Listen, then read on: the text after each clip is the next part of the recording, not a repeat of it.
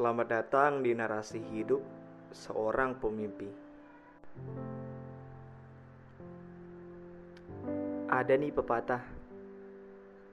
Sakit sama mengadu, luka sama mengeluh. Artinya sederhana. Setia sehidup semati, senasib sepenanggungan.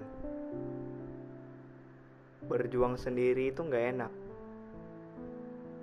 walau diri sudah berimprovisasi, tapi kita juga butuh teman. Segala macam teman deh. Teman sekolah, teman di sosmed, teman tapi mesra, atau bahkan teman hidup. Ya, so sweet. Kini lembaran 2019 hampir saja usai tahun yang penuh perkenalan dan perpisahan. Hari-hari semakin syarat dengan ujian, tapi setidaknya kedua kaki ini masih menapak di bumi. Ingat nggak di episode sebelumnya? Improvisasi menjadi keseharian dan lama-kelamaan semakin sulit. Jujur, manusia pemimpi ini mulai lelah. Bukan saja otak yang lelah, tapi jiwa juga raga.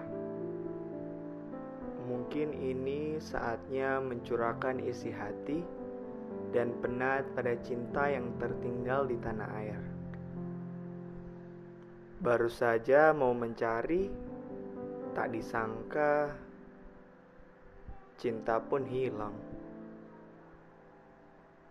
Teka-teki kehidupan ini semakin sulit. Sulitnya dalam berkomunikasi membuat diri semakin tersesat ke gelapnya hutan yang tak dikenal.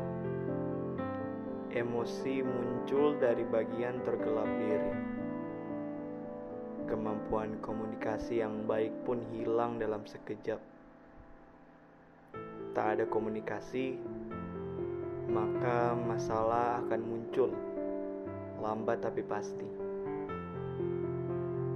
Godaan yang begitu kuat untuk berpaling dan mencari yang lain mulai menghantui. Kejenuhan membuat kaki melangkah tak menentu. Hampir selama tiga bulan manusia pemimpi ini tersesat.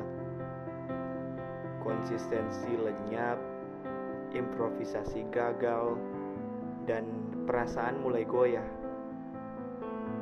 Terpaksa diri harus berjalan sendiri, mengandalkan diri dalam berbagai hal. Aku terjatuh berkali-kali dan hampir masuk ke jurang yang ku tak akan mampu panjat kembali. Setiap pukul 12 malam, otak tanpa henti berputar, dan hati terus-menerus menjerit. Kupikir ku takkan pernah bangun. Kukan tidur dalam mimpi selamanya. Mimpi yang lebih indah dibandingkan realitas. Jangan salah, manusia pemimpi ini juga punya kesalahan banyak kesalahan yang bisa dibuat oleh manusia ini dalam waktu yang singkat. Salahku juga, mudah menyerah, tak berjuang dengan sungguh-sungguh untuk mencari cinta yang hilang. Tapi bukan hanya diri ini yang berjuang sendirian. Si doi pun sedang berjalan sendirian berjuang dengan cita di belahan bumi yang lain. Tak pernah terlintas di benak ini dia akan berpaling. Karena aku percaya dia akan selalu kembali. Walau bagi sekian persen insan di bumi sudah biasa mengandalkan diri sendiri, tapi terkadang kita selalu butuh teman. teman yang selalu siap sedia mendengarkan keluh kesah kita. Tak hanya teman hidup, kita juga punya teman-teman yang lain kok. Salah manusia pemimpi ini saja yang belum bisa membuka diri dan membuka hati. Takut menimbulkan kesalahpahaman dan salah persepsi membuat diri memilih diam. Namun, ku menjalin benang-benang yang baru di negeri seberang laut itu. Mungkin tak serat di Manado, tapi mereka tetaplah yang berharga.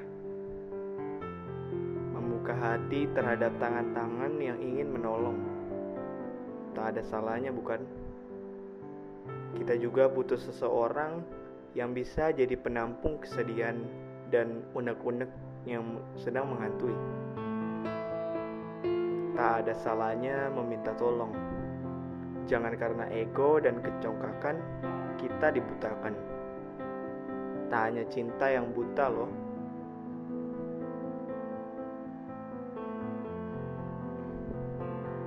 Dan ternyata si doi ngilang tiba-tiba karena HP-nya yang rusak. satu yang kupelajari. Jangan gampang menyerah deh.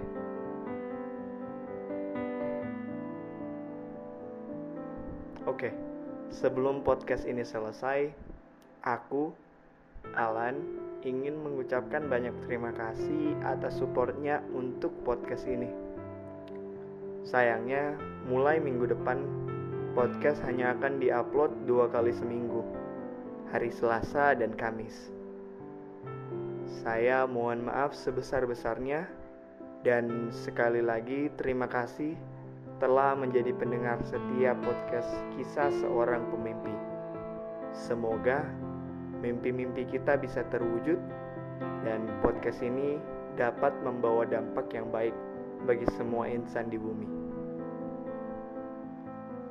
Oh, sekedar spoiler, nanti akan ada sesi Q&A untuk podcast ini. Thank you for listening.